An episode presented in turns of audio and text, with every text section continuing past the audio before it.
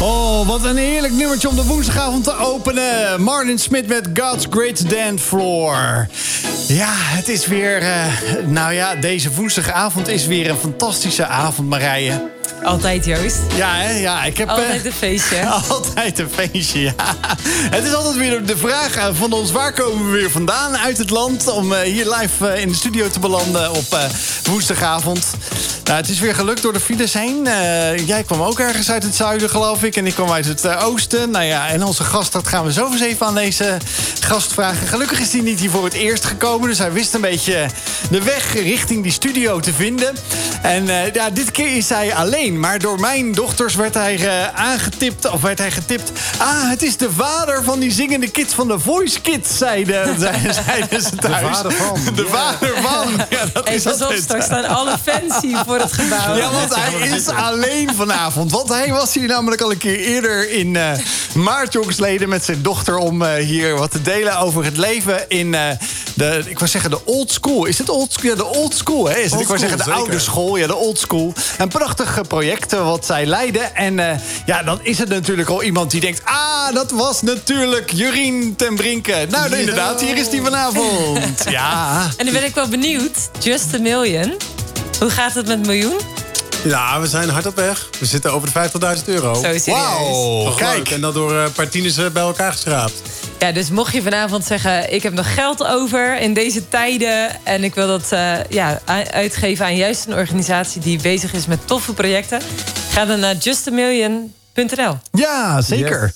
Ja, en het is natuurlijk niet anders dan uh, de vaste luisteraar van Wild Fate gewend is... dat wij altijd een leuk momentje hebben in een week. Dat kan niet missen. En dan denk ik, ja, en dan kijk ik soms naar het nieuws. En ik was wel een beetje. Ik word soms bijna een beetje depressief van. Van alle ellende. Maar gelukkig zijn er altijd mooie dingen. Dat kan niet missen. Al heb je maar gezegd van gisteren of eergisteren. Het regent weer. De zon schijnt. Ik had toch een boterham met hagelslag. Maar een geluksmomentje. Vertel het eens eventjes, Marije. Jij hebt er vast wel eentje. Heb je ook wat anders dan misschien een boek wat gelanceerd Ik heb uh, vandaag uh, lekkere koeken bij me, Joost. Oh, dat is het geluksmomentje van deze week. Jazeker. Ik heb namelijk maandag uh, mijn uh, nieuwe bedrijfsnaam gelanceerd. Kijk. Bureau Delight. En ik heb vandaag dus met slingers en al een winactie uh, bekendgemaakt. Voor een lanceringsevenement wat we voor vrouwen organiseren over hormoongeluk. Echt superleuk. Dus ik ben vandaag ook heel vrolijk gekleed. Ja, meestal ben je dat van me gewend. Ja, ik zei al gelijk van wow. roze, zeg maar, want wij zijn er klaar voor. Dus ik had echt een fantastische dag. Dus straks hebben we wat lekkers bij de koffie. Kom maar door met die koeken. Ja, hè? Ja, ja, natuurlijk. Altijd een feestje, dat vieren we toch gezellig mee, eh, Jurien. Dat ben, dat ben, dat ben jij ook gewend met, met al die mensen vaak om je heen. Maar dat heb je heel goed uitgelegd toen je hier ook was. Gelukkig is dat gescheiden. Wij hebben af en toe ook onze eigen voordeur... waar, waarachter wij ons kunnen terugtrekken. Nou, ik vermoed zomaar ja, dat daar ook genoeg gevierd Ik wou net zeggen, je, je, je haalt de woorden uit mijn mond. Want eh, als je, als je in zo'n eh, bijzonder project uh, ja, meedraait. Ik ook niet wisten dat je misschien moet zeggen... alweer taart of uh, nu al taart. Ja, we zijn met z'n achter, dus dat is sowieso heel wat verjaardagen over het algemeen. Ja. ja. hey, maar uh, Jurien, heb je ook nog iets waarvan je zegt van... ja, dat is voor mij echt een geluksmomentje? Vandaag, van de week, net, zojuist hier... Uh, nou, ik denk voordat, wij, voordat ik hierheen ging... Uh, was ik thuis met uh, drie van mijn kinderen als een malle aan het stoeien. Misschien, jij zei dat ik een beetje bleek eruit zag. Misschien is het wel van het anderhalf uur geleden. Door maar dan gaan we schreeuwend uh, door die gang van de school. Joh. Dat is echt hilarisch. Dus we zijn echt kwartier aan het knokken. Die gasten worden steeds ouder. Dus ik, volgens mij heb ik echt hier en daar een paar blauwe plekken. Dat dat, is tegelijkertijd echt een, een, geluksmomentje. Want dat is heerlijk natuurlijk met de jongens van mij. En uh, gilt je vrouw dan, pas op, bloed? Ja, zij is nou, verpleegkundige. Nou ja, dus dat is het probleem niet zo. Maar ze vindt het vaak wel te veel lawaai en wat te lang. Ja. En wij vinden dat mooi hoor. Ja, en mijn moeder zei altijd, ik heb drie broers, die zei altijd, pas op voor het bloed. maar uh, dan ging mijn vader ook met drie jongens, ja, die ook steeds groter werden. Nee, dat mag allemaal bij ons. Nee, ja. Nou, mag dat? Oh, kijk.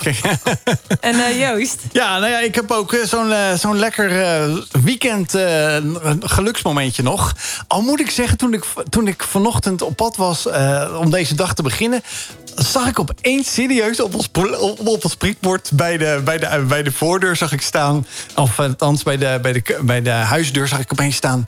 Geluksmomentjes. Die creëren wij voor je met gra- een gratis kopje koffie of thee bij de HEMA. Oh, met het tegoedbon. Toen dacht ik, geluksmomentjes. Kijk, dan, moet- dan moeten we, daar heb je hem weer. Nee, maar ik, vond het heerlijk afgelopen zondagavond was het bij ons nog, eh, de, nou ja, nog een heerlijk temperatuurtje voordat die regen eh, die we ook hard nodig hebben ging vallen. En toen zei ik eh, zo even na het avondeten op zondag aan het eind van een weekend, begin van een nieuwe week. Ik zeg thuis, ja, we hebben geen toetjes eh, helaas nog in de koelkast. Want we moeten morgen boodschappen doen. Of de boodschappen worden gebracht. Eh, iemand ziet er een ijsje. Dan gaan we lekker wandelen met, eh, met vrouw en eh, dochterslief. Nou, iedereen zei natuurlijk ja, als jij betaalt. nou ja, ik zeg oké, ik zal de, de pinpas meenemen. En eh, zo'n heerlijk wandelingetje gewoon met gezin. Het- het- Ja, en het is niet eens zo ver. Ja, de tankstation eh, dat was open. Dus dat was ook de nou, enige reden dat ze ja zeiden. Want als ze drie kilometer moesten lopen, is het natuurlijk Juist, ja, ja. Hij koopt soms met ijsjes. Juist, Dat zou ik nooit doen als vader. Oh, gelukkig. Ik kreeg een beetje bijval als algemene vader hier. Ja, we hebben natuurlijk uiteindelijk eh, deze woensdagavond ook weer de beste gospel voor je uitgekozen. En eh, dat is gelijk een mooie inleiding van eh, onze studiogasten die we even gaan wisselen. Want iemand wil niet ingebeld worden, maar onze volgende studiogast Nicole Bolweg van ProLife die zegt ik kom gewoon naar jullie toe. Want ik vind het hartstikke leuk om mee te werken voor de beste kwaliteit. Kom ik graag eventjes achter die die microfoon eh, kruipen om wat te vertellen over een fantastisch tof nieuw project wat zij binnenkort gaan starten. Ja, en daar hoort natuurlijk een prachtige eh, inleidingssong bij van God So Loved.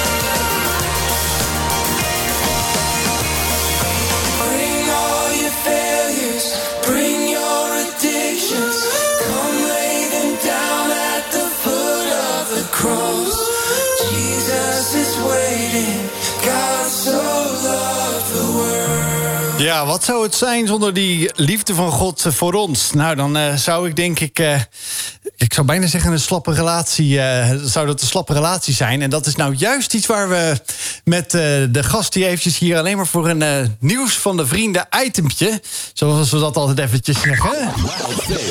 Nieuws van onze vrienden. itempje hier langskomt. Om even wat te vertellen over ja, iets wat ook ons aan het hart gaat. Want wij belangrijk vinden bij Wild Fate. En ik denk dat iedereen het wel belangrijk vindt. Is dat je aan relaties werkt. En bovenal aan sterke relaties. Nou, Nicole Bolweg eh, die, eh, is, eh, ik noem hem maar even afgezand van ProLife Zorgverzekeraars. En zorgverzekeringen. En zij gaat dus ons eens even meenemen in een fantastisch tof project. Wat zij eh 2 oktober, als ik me niet vergis, of 3 oktober. 3 oktober starten. En dat is namelijk een project sterke relaties. En eh, dat mag ik, ik zeg als Nederlander zeg ik gratis en jij zegt kosteloos zelfs aanbieden aan mensen. Nou, ik ben heel benieuwd, Nicole, waar komt überhaupt ja, zo'n drive vandaan om dat te doen als eh, organisatie? Ja, als zorgverzekeraar. Want we zijn eigenlijk redelijk uniek erin. Met een programma wat echt gaat over sterke relaties. Eh, maar onderzoek wijst echt uit dat het hebben van een sterke relatie goed is voor je gezondheid. En eh, dat klinkt een beetje raar, maar op het moment dat je echt vertrouwen in elkaar hebt en elkaar gewoon goed kan ondersteunen, dan is dat ook goed voor je gezondheid. Want daardoor ben je niet alleen eh, geestelijk, maar ook lichamelijk voel je gesterkt door de ander. En dat zorgt ervoor dat je niet alleen als partners, maar ook in je gezin gewoon een gezondere relatie met elkaar hebt. Dus als je gewoon lekker, zelf lekker in je vel wil zitten, zeg je: Oh, heb je een relatie? Doe mee. Absoluut. Eh, het, is zo, het is niet zo dat we een programma hebben ontwikkeld voor als je alleen maar relatieproblemen hebt. We willen juist iedereen helpen. Want het zit soms in hele kleine dingetjes. Je hebt het over een geluksmomentje. Maar het kunnen soms ook hele kleine irritaties zijn, die van heel klein naar heel groot toe gaan. En juist het gewoon met z'n tweeën als gezin of als partners met elkaar het goed hebben, dat begint juist bij hele kleine dingen. En het kan zijn s'morgens met elkaar bieden. Het kan zijn dat je op een ander moment gewoon lekker met z'n tweeën geniet. En gewoon echt aandacht geeft en elkaar ziet. En dat vergeten we soms wel eens. En eh, voor, voor je zegt, eh, we zeiden net al van eh, relaties, dus dat is voor gezinnen, maar dat is dus ook voor echtparen stellen. Nou, het is eigenlijk bedoeld voor relaties. Want uiteindelijk als je het samen goed hebt binnen je huwelijk... dan heb je ook een goed voorbeeld voor je kinderen. En daar, als kinderen het goede voorbeeld zien... dat ouders gewoon intiem zijn, op elkaar geven, elkaar echt zien... dan is dat ook van invloed op de toekomst van de kinderen. Maar ook heel direct op het moment dat kinderen als gevolg van een scheiding... eh, te maken hebben met nou, uit elkaar gaan en dergelijke... ja, dan is dat ook niet goed voor je gezondheid. Niet voor de partners, maar ook niet voor de kinderen. Helaas is het zo dat 50% van de Nederlandse kinderen... die in de GGZ-trajecten terecht zijn gekomen... wel afkomstig zijn van ouders uit gescheiden huwelijken. Ja, dan is het direct ook een gevolgschade... die kinderen echt de rest van hun leven wel meenemen. En dat wordt soms wel eens onderschat. Dus we doen het voor de partners... maar de kinderen zijn eigenlijk degene waar we het ook mee eh, goed voor ogen hebben. Want uiteindelijk een gezonde relatie is een gezond gezin. Kijk, Als je dan is. geen eh, kinderen hebt, dan is een gezonde relatie sowieso leuk. ja. En, en eh, dat programma, Nicole of programma, hoe, hoe gaat het in zijn werk? Nou, we hebben een, een website die op onze op, op ProLife staat. Dat is prolife.nl slash sterke relaties. Daar hebben we informatie staan voor mensen met kleine probleempjes... of willen kijken van nou, hoe kan ik mijn relatie goed houden... tot aan van nou, het lukt toch niet, we gaan uit elkaar. En ook weer van nou, we hebben samengesteld gezin. Dus er is al heel veel informatie op onze website. Maar we willen dit keer nog een stapje verder gaan. We willen mensen uitdagen om mee te doen aan een eh, project van een maand online. Dus je kunt het lekker thuis volgen. Je krijgt elke week krijg je een mail met daarin een video. En dat gaat dan eigenlijk over vier thema's. Over geloof binnen je relatie, communicatie, hechting en intimiteit en seksualiteit. Wij vinden dat vier hele belangrijke onderwerpen waar we gewoon aandacht aan willen besteden. Daar hebben we verschillende therapeuten voor uitgenodigd. Elke week komt er dus een thema-uitzending, nou, ongeveer 25, max 40 minuten. Daar krijg je een aantal opdrachtjes bij van, nou, besteed deze week daar eens aandacht aan. En daarnaast krijgen mensen een werkboekje. Eh, met informatie waarin ze thuis nog even verder aan hun relatie... nou ja, even gewoon mee aan, aan de gang kunnen. En we hebben een nieuw relatiespel ontwikkeld. En daar ben ik heel blij mee. Ik heb een eh, relatiespel, ik weet niet of jullie het kennen. De eerste is eh 10.000 keer uitgedeeld. En deze hebben we gewoon nieuw gemaakt. Passend bij de uitzendingen. Zodat je gewoon zelf op het moment met een keertje een wijntje... kopje thee... gewoon eens nog elkaar vragen kunt stellen. Hoe zit het nou? Want ik heb, het net gehad over... ja, je gaat wel met je manager in overleg van... nou, hoe, hoe doe ik het op mijn werk? Je auto krijgt een APK.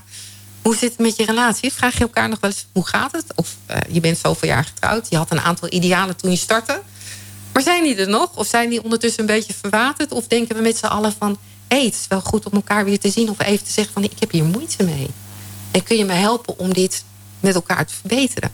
Want het begint eigenlijk altijd met een goed gesprek.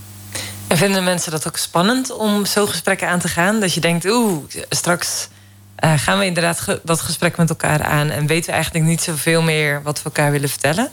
Dat kan. Eh, Ik, heb ervaringen van twee kanten gehoord. Mensen die het ontzettend leuk vinden om het spel te spelen. En zeggen, nou, eigenlijk de man die het spel speelt... van nou, eh, even een avondje tijd voor elkaar, glaasje wijn erbij... ieder drie vragen stellen. En er zijn ook mensen die juist eigenlijk in die probleemfase zitten... en eigenlijk hulp nodig hebben. En ook dat stimuleert juist van...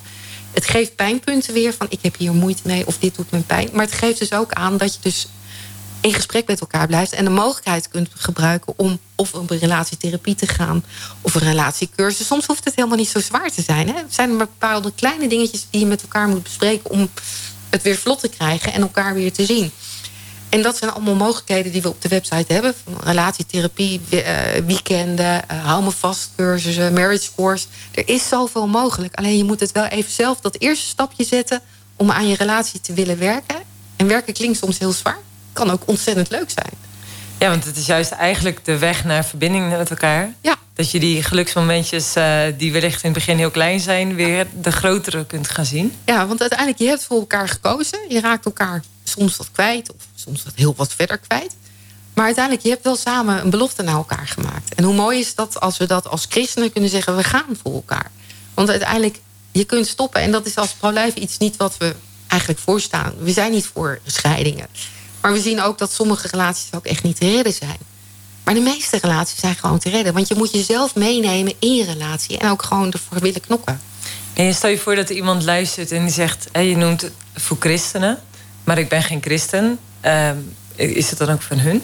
Nou, in principe is het zo dat wij een christelijke zorgverzekeraar zijn. Dus alles wat wij doen, doen we wel vanuit christelijke identiteit. Ook in het spel zitten vragen over het geloof. Hoe je dat samen beleeft. Er is ook een avond inderdaad specifiek over die relatie en geloof. De rest niet. Eh, dus iedereen is welkom. Eh, het is alleen wel zo. Wij werken vanuit de christelijke identiteit. We leggen niks op. Maar weet wel dat als je het krijgt... dat inderdaad het christelijke element wel meespeelt... in alles wat we doen. Ja, dus wellicht een mooie inspiratie om samen eens over spiritualiteit te gaan praten. Absoluut. Want wellicht vind je het wel heel erg boeiend en dan ontdek je opeens... oh, eh, daar wil ik eigenlijk wel meer over weten. Ja, en eh, uiteindelijk is het zo dat we, ehm, we daarin gewoon de handreiking willen doen.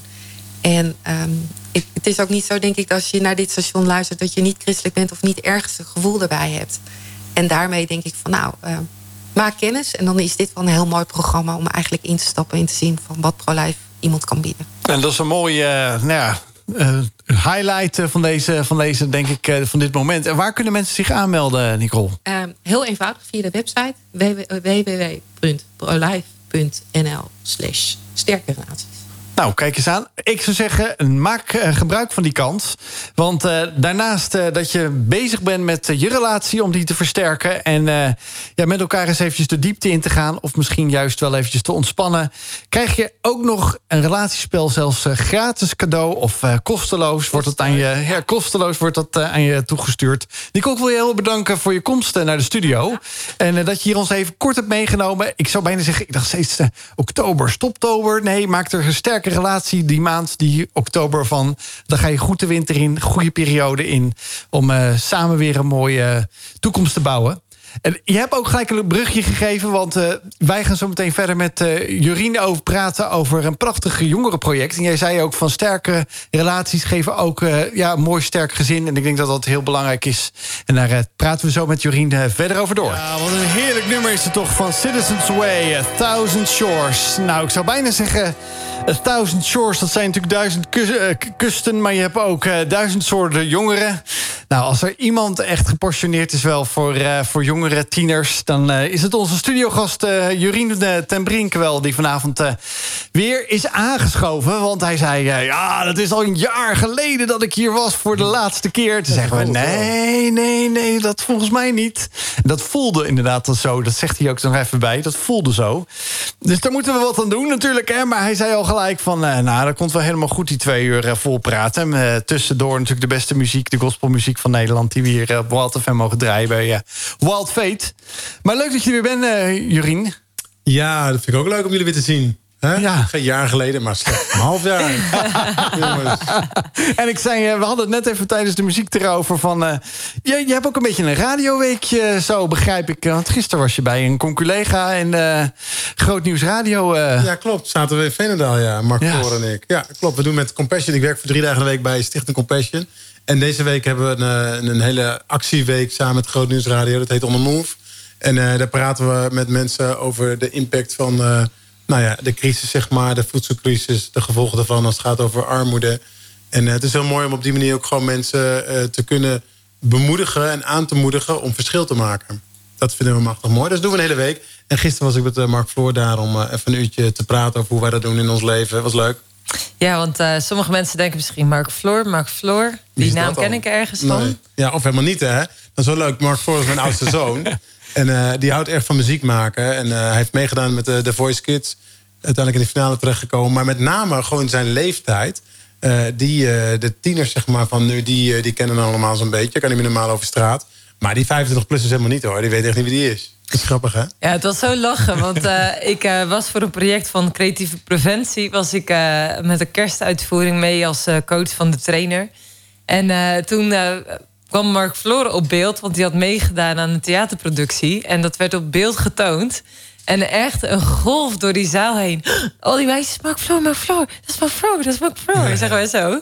Ik kan me zo maar voorstellen dat als hij nu over straat heen loopt... dat echt gewoon heel veel van die doelgroep dus hem ja, uh, herkennen. Hij wordt voortdurend. Ja, dus uh, dat, ergens is het grappig, maar ook wel vervelend tijden natuurlijk. Nee, dat is wat het is. Hij kan niet meer, nu niet meer over straat. Nee. Ja, want het maakt gewoon super vette muziek. Ja, da, daar gaat het natuurlijk om. Het gaat helemaal niet over, over bekend worden of herkend worden. Het is gewoon heel leuk om te zien, dat geloof ik, hè, dat God elk mens uh, uniek gemaakt heeft, een talent geeft.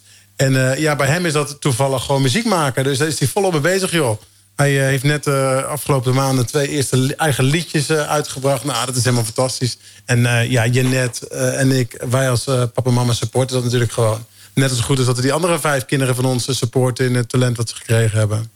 Ja, dat is mooi hè? Gewoon. Ik en Nicole had het net over uh, hoe belangrijk het is om stabiele gezinnen te hebben. En dat kinderen gewoon in alle veiligheid en hechting opgroeien. Is dat ook iets wat jij ziet binnen jouw werk binnen Be Courageous?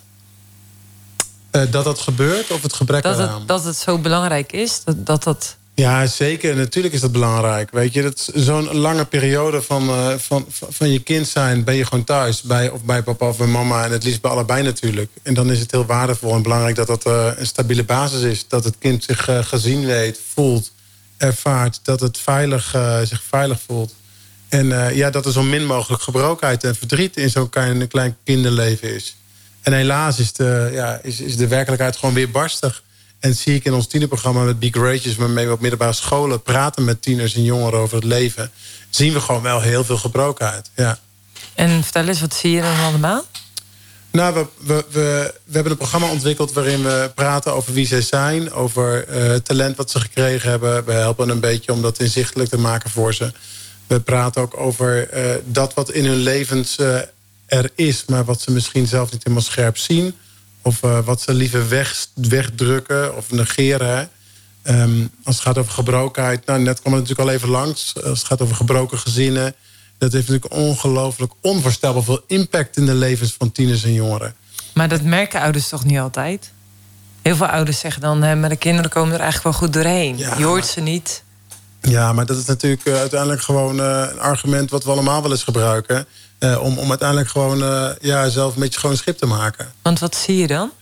Nou, wat, wat ik zie en wat ik hoor van uh, kinderen... is dat ze super onzeker zijn over die fase of over die periode... of over niet durven of niet willen kiezen voor papa of mama... niet kunnen omgaan met, met de ruzie... geen raad weten met het diepe, diepe verdriet van binnen. De onveiligheid, de, de, het, het moeten loslaten van... hé, maar wij waren toch gezin, wij waren toch familie... en eh, zijn we nu mekaars grootste vijanden? Lise Marie bijvoorbeeld, hè, onze enige dochter... Die, eh, die heeft regelmatig vriendinnen die ze dan eh, bij ons thuis even op de bank zet. Letterlijk vorige week nog. Die, die in tranen vertelt dat, dat, dat die week papa en mama vertelden... joh, we moeten even kletsen, want na twintig jaar, ja, het gaat niet meer. En daar was dan helemaal niet heel veel ruzie. Maar dat, het leven van zo'n kind staat natuurlijk helemaal op zijn kop. En het is natuurlijk heel makkelijk als het zelf oké is in je relatie of in je leven... om dat te veroordelen of weg te stoppen of zeggen, oh, wat stom. Dat is natuurlijk het laatste wat we moeten doen. Maar ik wil ook wel eerlijk zijn over, over de, de intensiteit en de impact ervan... in de levens van tieners en jongeren, die is grandioos. Als het alleen al gaat over gebroken relaties. Ja, dus, Ik, ja, ik wou zeggen, heb je, heb je ook het idee dat het een. eh, ik, ik ken ook toevallig wat, wat helaas tussen stuk gelopen relaties, ook met kinderen. Dat het ook vaak loyaliteit is van kinderen. Dat, dat ze denken, ik cijfer mezelf al weg op zo'n jonge leeftijd. Tuurlijk, het is er allemaal. Zeker. Ja. Ja. Ja, natuurlijk. En dan met papa mee praten of dan met mama mee praten. Zeker. ja, vooral als natuurlijk papa of mama heel erg verdrietig is... of even niet meer weet of eh ontredderd is... dan, dan kan je natuurlijk al snel eh, ook in een reddersrol stappen als kind. Ja, zeker. Nee, het is super complex. En ik ben niet expert Ja. als het daarover gaat. Weet je wat wij gewoon, wat we graag willen? En dat is echt eh, de, de intrinsieke drive van dat programma... eh, wat we met Big Rage doen, middelbare scholen... Is, is gewoon jongeren bemoedigen. Ze inspireren dat, dat het verdriet en de pijn... En, en al die dingen meer er mogen zijn. We willen ze graag inspireren en bemoedigen met dat ze... eh, eh, eh, in wie zij zijn als mens, dat het oké is. Dat ze zich niet mooier voor hoeven te doen dan ze zijn. Dat ze talent hebben gekregen waar we het net al even over hadden. Weet je, en dat het mooi en waardevol is om dat te ontdekken. En we willen ze gewoon graag aanmoedigen om het leven te leven. En de vragen die er zijn, die vooral te stellen. En niet alleen maar je mooie kant laten zien... en net alsof het er allemaal niet is. En je wat stoerder voelen dan je bent. Gewoon probeer maar gewoon te accepteren in wie je bent... en de situatie waarin je zit, dat dat voor nu is wat het is. Ja, en dan ook gewoon daarin verder te kijken. Dus niet alleen maar eh, het bewust te zijn van, eh, van ik moet nu leven in het moment.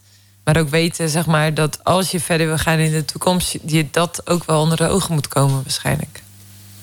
Ja, ja maar, maar persoonlijk vind ik het nog, nog belangrijker dat, dat, dat zeg maar op zo'n dag eh, jongeren gewoon ontdekken van hé, maar ik ben helemaal niet de enige met mijn vraag. Of ik ben helemaal niet de enige met eh, de, de, de, de zorg die ik heb. Of, of eh, dat ik s'nachts niet in slaap kom omdat er gezeik is thuis. Of ik ben helemaal niet de enige met verdriet, want er zijn er een heleboel meer. En alleen al om dat te laten landen. Nou, dat- we zeggen regelmatig van joh, het is helemaal niet erg als je eens even een traan laat. Want we doen net alsof dat niet meer kan of niet meer mag in onze cultuur. Maar hoe waardevol is het dat als ik verdrietig ben, dat ik dat mag laten zien.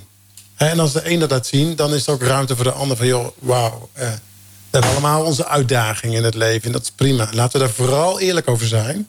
En daar willen we graag een bijdrage leveren. Om dat tieners en jongeren gewoon, ehm, gewoon mee te geven. Ja. Nou, je doet dit inmiddels al echt al een aantal jaar. En ik ben ook wel benieuwd eh, wat hetgene is waarvan je zegt van... ja, dat heeft me eigenlijk in al die jaren het meest geraakt. We gaan eerst luisteren naar muziek. Nou, dat is wel een heel mooi eh, nummer van I Will Carry You van eh, Ellie Holkamp. eh, op aansluiting van waar we het voor de muziek over hadden. Ja, dat het belang van relaties, maar ook sterke relaties belangrijk zijn. En dat er ook momenten moeten kunnen zijn dat je eigenlijk bij iemand ja, op de bank kan kruipen. Dat hoeft niet eens thuis te zijn en een traan durft te laten, toch, eh Jurian? Dat is niet van eh, zelfsprekend, begrijp ik ook. Nee, dat is wat het is. Hè. Daar we het inderdaad over. Het is toch het mooiste dat je als papa of als mama, als je kinderen hebt, eh, hen, hen ehm, nou, de, de, hoe zeg je dat? Gewoon het gevoel wil geven dat ze oké zijn, dat ze veilig zijn. En dat ze alles tegen je kunnen zeggen eh, wat ze willen zeggen. En natuurlijk, weet je, op een gegeven moment komen die gasten op een leeftijd dat ze ja, dat ga ik jou niet vertellen. Dat is natuurlijk allemaal heel organisch en natuurlijk en prima. hè. Maar joh, laten we er als mama er alles aan doen om, eh, om wel die, die basis, dat fundament eh, te leggen. En daar, ja, dat kost heel veel. Dat kost ook bloed, zweet en tranen. Hey, en net voor de, eh, voordat we naar de muziek gingen, vroeg ik aan je van: hey, wat is dan hetgene wat je zo onwijs geraakt hebt in de afgelopen jaren dat je met Big Rages bezig bent? Nou, het zijn twee dingen, denk ik. De, de intensiteit, de impact van die gebrokenheid... Dat, dat gaat vele malen dieper. En er struggelen veel meer jongeren mee, denk ik... dan, eh, dan scholen en docenten over het algemeen. zien en ervaren. Dat is ook wat we vaak terugkrijgen. Wow, dit wisten we echt niet na zo'n dag. We hebben niet geweten dat dat zoveel meer onder de waterspiegel zit dan eh, we zien eh, op school. En het tweede is ook wel de veerkracht. De veerkracht van tieners en jongeren. Dat ze gewoon heel veel energie hebben. En ergens ook hier wel weer doorheen komen. Weet je, je wordt er ook weer sterker door. Juist door het leiden no pain, no gain. Weet je. Dat is ook gewoon wat je, wat je ziet gebeuren. Ja, ik heb ooit de Camino gelopen en dat was ook echt de leus die je op allemaal shirts zag met allemaal Ja. bladen te voeten, zeg maar. Ja, dat is No toch- pain, no glory, zeg ja, maar. nee, maar dat is het leven natuurlijk gewoon. Ja. Dus het, het, het vormt je ook. Maar tegelijkertijd, joh, je, je, je gunt het toch niemand... dat er zoveel onzekerheid en gedoe en gezeik is. En dus ook verdriet. Maar laten we eerlijk zijn, als je op social media kijkt, dan ziet gewoon het leven van elke tiener er fantastisch uit. Hier en daar een tiener die zegt: eh, Ik eh, loop in de hulpverlening of ik heb een traject of mijn leven is allemaal niet zo koekenij. Maar over het algemeen zie je allemaal successtories Ja, op alle social media kanalen. En is dat ook een beetje wat geambieerd wordt. eh, waarbij je noemde dat gebrokenheid. Dus het feit dat er dus moeilijke dingen in je leven zijn.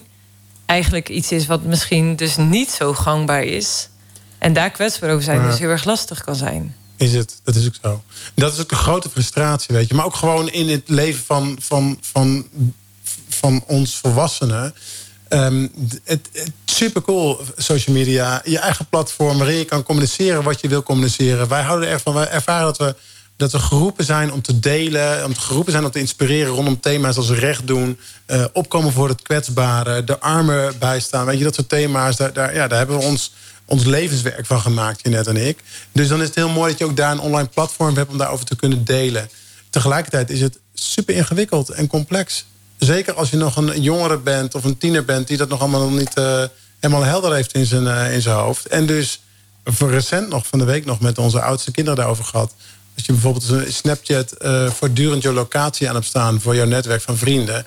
Ja, je maakt het jezelf ingewikkeld. Want wat zie je? Hey, die en die vrienden zijn op die plek. Hey, ik ben niet uitgenodigd. Oh, ze hebben daar een feestje. Waarom ben ik daar niet bij? Dus onbedoeld en ongewild houd je, hou je elkaar ook een beetje in de tang. Hè? Van eh, eh, ja, controle op elkaar. Dat is gewoon ingewikkeld. Dat is echt lastig. Dat is precies ook een thema wat tijdens ons, eh, onze dagen met Be Courageous langskomt. Dat we praten ook over social media. Hoe gebruik je dat? Hoe zet je dat in? Waarom heb je het überhaupt? Wat doe je ermee? Is het alleen die mooie buitenkant? Eh, of is het een masker om eh, die binnenkant niet te hoeven te laten zien? Het is alle- allereerst belangrijk dat tieners en jongeren ontdekken voor zichzelf. Van, hey, hoe zet ik dit in? En, en wie ben ik op social media? Ja, want het is als ik een beetje de berichten volg, bijvoorbeeld over sexting, dus het versturen van eh, erotische foto's van jezelf of naaktfoto's, eh, dat dat zoveel impact heeft in de levens van zoveel jongeren, terwijl dat op elke school dit soort gevallen bekend zijn inmiddels. Ja. Eh, waarbij tieners wellicht ook door ja, de hersenontwikkeling en nog niet zo oorzaak-gevolg. Of wat heeft het voor ja, wat heeft het voor impact op mijn leven? Dat ze dat ook nog niet zo zichtbaar hebben. Of het goede vertrouwen in een ander. Ik stuur die naaktfoto op naar mijn vriendje of naar mijn vriendin, want die vertrouw ik. En vervolgens gaat het viral. Ja, nee, het is natuurlijk allemaal. Kijk, gelukkig zijn dat wel de excessen. En, eh, weet je, ik heb niet exacte cijfers. Nogmaals, ik ben niet expert als het over dit soort dingen gaat. eh, van wat, het, eh, wat nu de status quo is. Het gaat over sexting. Natuurlijk lees ik die, die onderzoeken en, en, en berichtgeving daarover. Maar waar het hem nog veel meer in zit, is gewoon de manier waarop je met elkaar omgaat. En, als dat, als dat, en dat is natuurlijk heel vervelend de afgelopen twee jaar rondom COVID, dat alleen maar eh, in het negatieve dat versterkt heeft. Eh, wanneer je geen contact of steeds minder contact met elkaar hebt, geen verbinding meer hebt, dan kruip je gewoon wat meer in je schulp. Je zet een stapje naar achter in plaats van een stapje naar voren om in verbinding met die ander te zijn. Dan krijg je nu ook veel meer aanvragen, juist van scholen die zeggen: joh, het gedrag is gewoon echt anders het gedrag van een gemiddelde tiener en jongeren. En dat heeft niet te maken met, je een eikel? Maar veel meer vanuit onveiligheid. Het niet goed weten. Wat is de mores? Hoe gaan we met elkaar om? Ja, ik, ik, wat heb ik met jou? Wie ben je eigenlijk? Ik ga me niet zomaar geven aan jou. Want joh, dus dat maakt het wel complexer. Ook op de middelbare school en op het schoolplein. En ook Dus- in de relaties. Dus binnen, binnen school heet dat waarschijnlijk een stukje psychologische veiligheid. Moeilijk woord voor voelen jongeren zich veilig genoeg om dus kwetsbaar te zijn ja. en vragen te stellen om Die zich is te verbinden? weinig psychologische veiligheid. En denk je dat dat komt door juist de gevolgen van de Ja, coronaperiode? zeker. Ja, dat is wat ik net zeg. Zeker. Dat, dat heeft daar echt aan bijgedragen. Dat wij eerder een stapje terug doen dan juist de ander eh, oprecht gewoon eh, ontmoeten of, of in een verbinding zijn. dat is letterlijk wat, wat- gezegd wordt. Ja, en, en weet je ook hoe dat, dat dan komt? Want ik kan me voorstellen, hè, jongeren hebben elkaar minder gezien, waren niet op school, moesten zelf een beetje eh ja, soortje rooien. Maar hoe, hoe komt het dan dat nu dat niet terugkomt? Nou, feitelijk gewoon doordat je fysiek niet hebt kunnen starten met elkaar in een nieuwe klas bijvoorbeeld, of niet, niet elkaar hebt leren kennen door bij elkaar te zijn, eh, eh, maakt gewoon dat je misschien alleen maar voor een periode. Waren bij ons weer op school bijvoorbeeld van de oudste drie kinderen, was er ook discussie over wel of geen camera aan. Weet je wel? Of dat dan eh, heel veel tieners vo- voelen dat al als te onveilig. Dag, ik wil niet mijzelf laten zien op zo'n beeldscherm. Dus, dus dan was het alleen via audio. Maar ja, wat heb je met elkaar als je als leerlingen thuis in je bed ligt en er de audio aan hebt staan en tegelijkertijd niet op je telefoon zit, dan de les volgt. Maar ja, je bent wel aanwezig, want je hebt je, je microfoontje aanstaan. Dus die, die binding, die, die connectie is er gewoon weinig tot niet. Ja, en bovendien eh, verbind je via, via beeldscherm veel minder dan in het echt. Uiteraard. Ja, ik- ik wou net zeggen, zelfs in het nieuwe schooljaar, dat zie ik bij mijn jongste dochter, die, eh, die, die hadden, we hadden zo'n klasavond met ouders, hè, dus zonder de leerlingen erbij. Die, die, avonden hebben ze ook hoor, dus het is niet dat je eh, allemaal eh, geheime dingen zit te, ver- zit, te- delen met elkaar. En toen had een van die eh, coaches, heten het tegenwoordig al, want ook dat zijn, krijgen steeds meer andere namen. Het deed geen eh klassendecaan meer, maar het coach bij ons op school. En wat krijgen die kinderen dan? Ja, eh, zegt, eh, zegt een van die coaches, het lijkt me heel leuk dat in ieder geval alle ouders de kinderen zien, de, de medetieners met wie je in een klas zit. Dus je hoeft heel eventjes, ik eh, doe alleen dit filmpje maken voor de ouders en daarna delete ik het echt. Nou, er was heel veel discussie, zei die, zei die coach. Over alleen al even gewoon het gezicht van je eigen kind zien. En dan gewoon de medestudenten. Zodat je ook een beetje beeld krijgt. Oh, leuk, zo'n jongere, zo'n meisje. Gewoon, weet je, dat je ook een beetje mee kan praten thuis. Nou, dat was echt, ze zeggen, het was echt met pijn en moeite, met, met smeken. Om gewoon even, hoi, ik ben eh, die en die en ik vind dit leuk. Of ik eh, hou van muziek. Of ik eh, doe die en die sport. Om dat voor elkaar te krijgen. Want, oh nee, we komen in beeld. En hoe wordt dat ontvangen? Ja, maar dat, Natuurlijk. dat was voor COVID al moeilijk met tieners. Uiteraard. Ja, maar, maar toch, weet je wel. En dan wordt dan gezegd, het is alleen maar voor jullie ouders. Die kennen jullie, ze weten wie jullie Ja. zijn. Ja. Maar dat soort dingen, die, die gebeuren gewoon. Ja, Maar gezinsleven, eh, het is heel dynamisch. Volgens mij kan je daar absoluut over meepraten. Eh Jurien, ook als het gaat over, eh, over Mark Floor... die, eh, wat je ook al zei, heerlijk met muziek bezig is... en onder andere een, nummer geschreven heeft, 17. Ik ben heel benieuwd wat, wat daar de, ja, de, de kern van is. Ja, ja, nee, zeker. Nou, dat, dat, gaat, dat is grappig, want dat gaat helemaal over inderdaad de, de, de, de family time thuis. Eh, wij als vader en moeder die eh, proberen onze kinderen zo goed mogelijk op te voeden. Met vallen en opstaan eh, daar een voorbeeld in willen zijn. Eh, heel graag ook lekker thuis hebben. Geven hem relatief veel vrijheid. Ehm, en tegelijkertijd is dat gastje 16, net 16 geworden in augustus. Dus die jongen die, die, die voelt in alles, hey, yes, de, grote, de grote wereld in. Ik ga het maken. Helemaal leuk. Maar hij, hij, daar praten we veel over. Het is heel leuk, want we hebben gewoon een hele open relatie met onze kinderen, denk ik. Ehm, eh, hij zegt dan ook, ja, papa, mama, jullie willen het liefst dat ik gewoon het hele weekend thuis ben. Maar hallo, ik ben nu 16, ik wil er lekker op uit. Ik kom met mijn vrienden eh, het liefst al een biertje drinken. Wat dan niet mag, want dan moet je 18 zijn. Weet je, die discussies voeren we gewoon op en top. En ehm, hij, eh, het, was, het was ergens, eh, ergens in het voorjaar, geloof ik, dat hij op zijn bed s'nachts met een vriend van hem, gitarist, Wessel van Deursen, uh, zei: joh, waar, waar wil je nou over gaan schrijven de komende periode? Nou, onder andere hierover. Over gewoon, ik wil, de, ik wil de wereld in. Versus gewoon papa en mama die me nog een beetje proberen vooral dichtbij te houden. En uh, ze hebben die nacht uh, in twee, drie uur dit liedje geschreven. 17. Ja. De nieuwste van de nieuwste gospelhit. Ooit was jij ook 17, dus waarom snap jij niet dat jij me niet Vrijdagavond, half zes, we gaan zo eten, ik besef. Waar gaat de vragen, dus ik zeg. Hey mam, ik ga nog even met de jongens naar een feestje. Ik heb mijn bord leeg en gebeden, dus ik ga er zo vandoor. Ik heb je liever hier vanavond met je vader op de bank.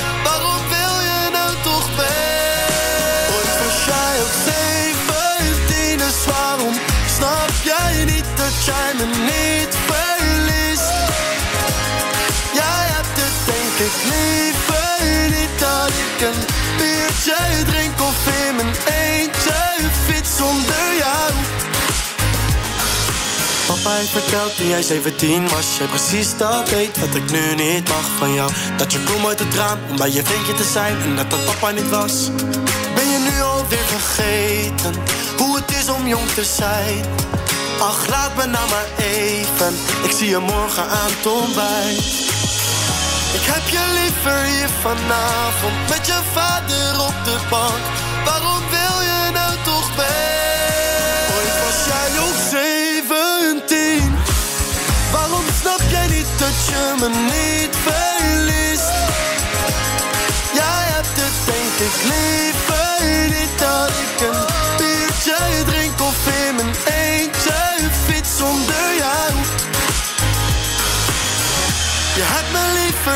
vanavond, maar slaap niet meer om half acht. Soms zou je willen dat ik altijd klein blijf.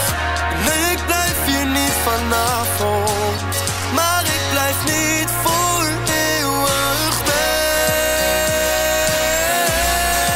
Ooit was jij ook 17, dus waarom snap jij niet dat jij me niet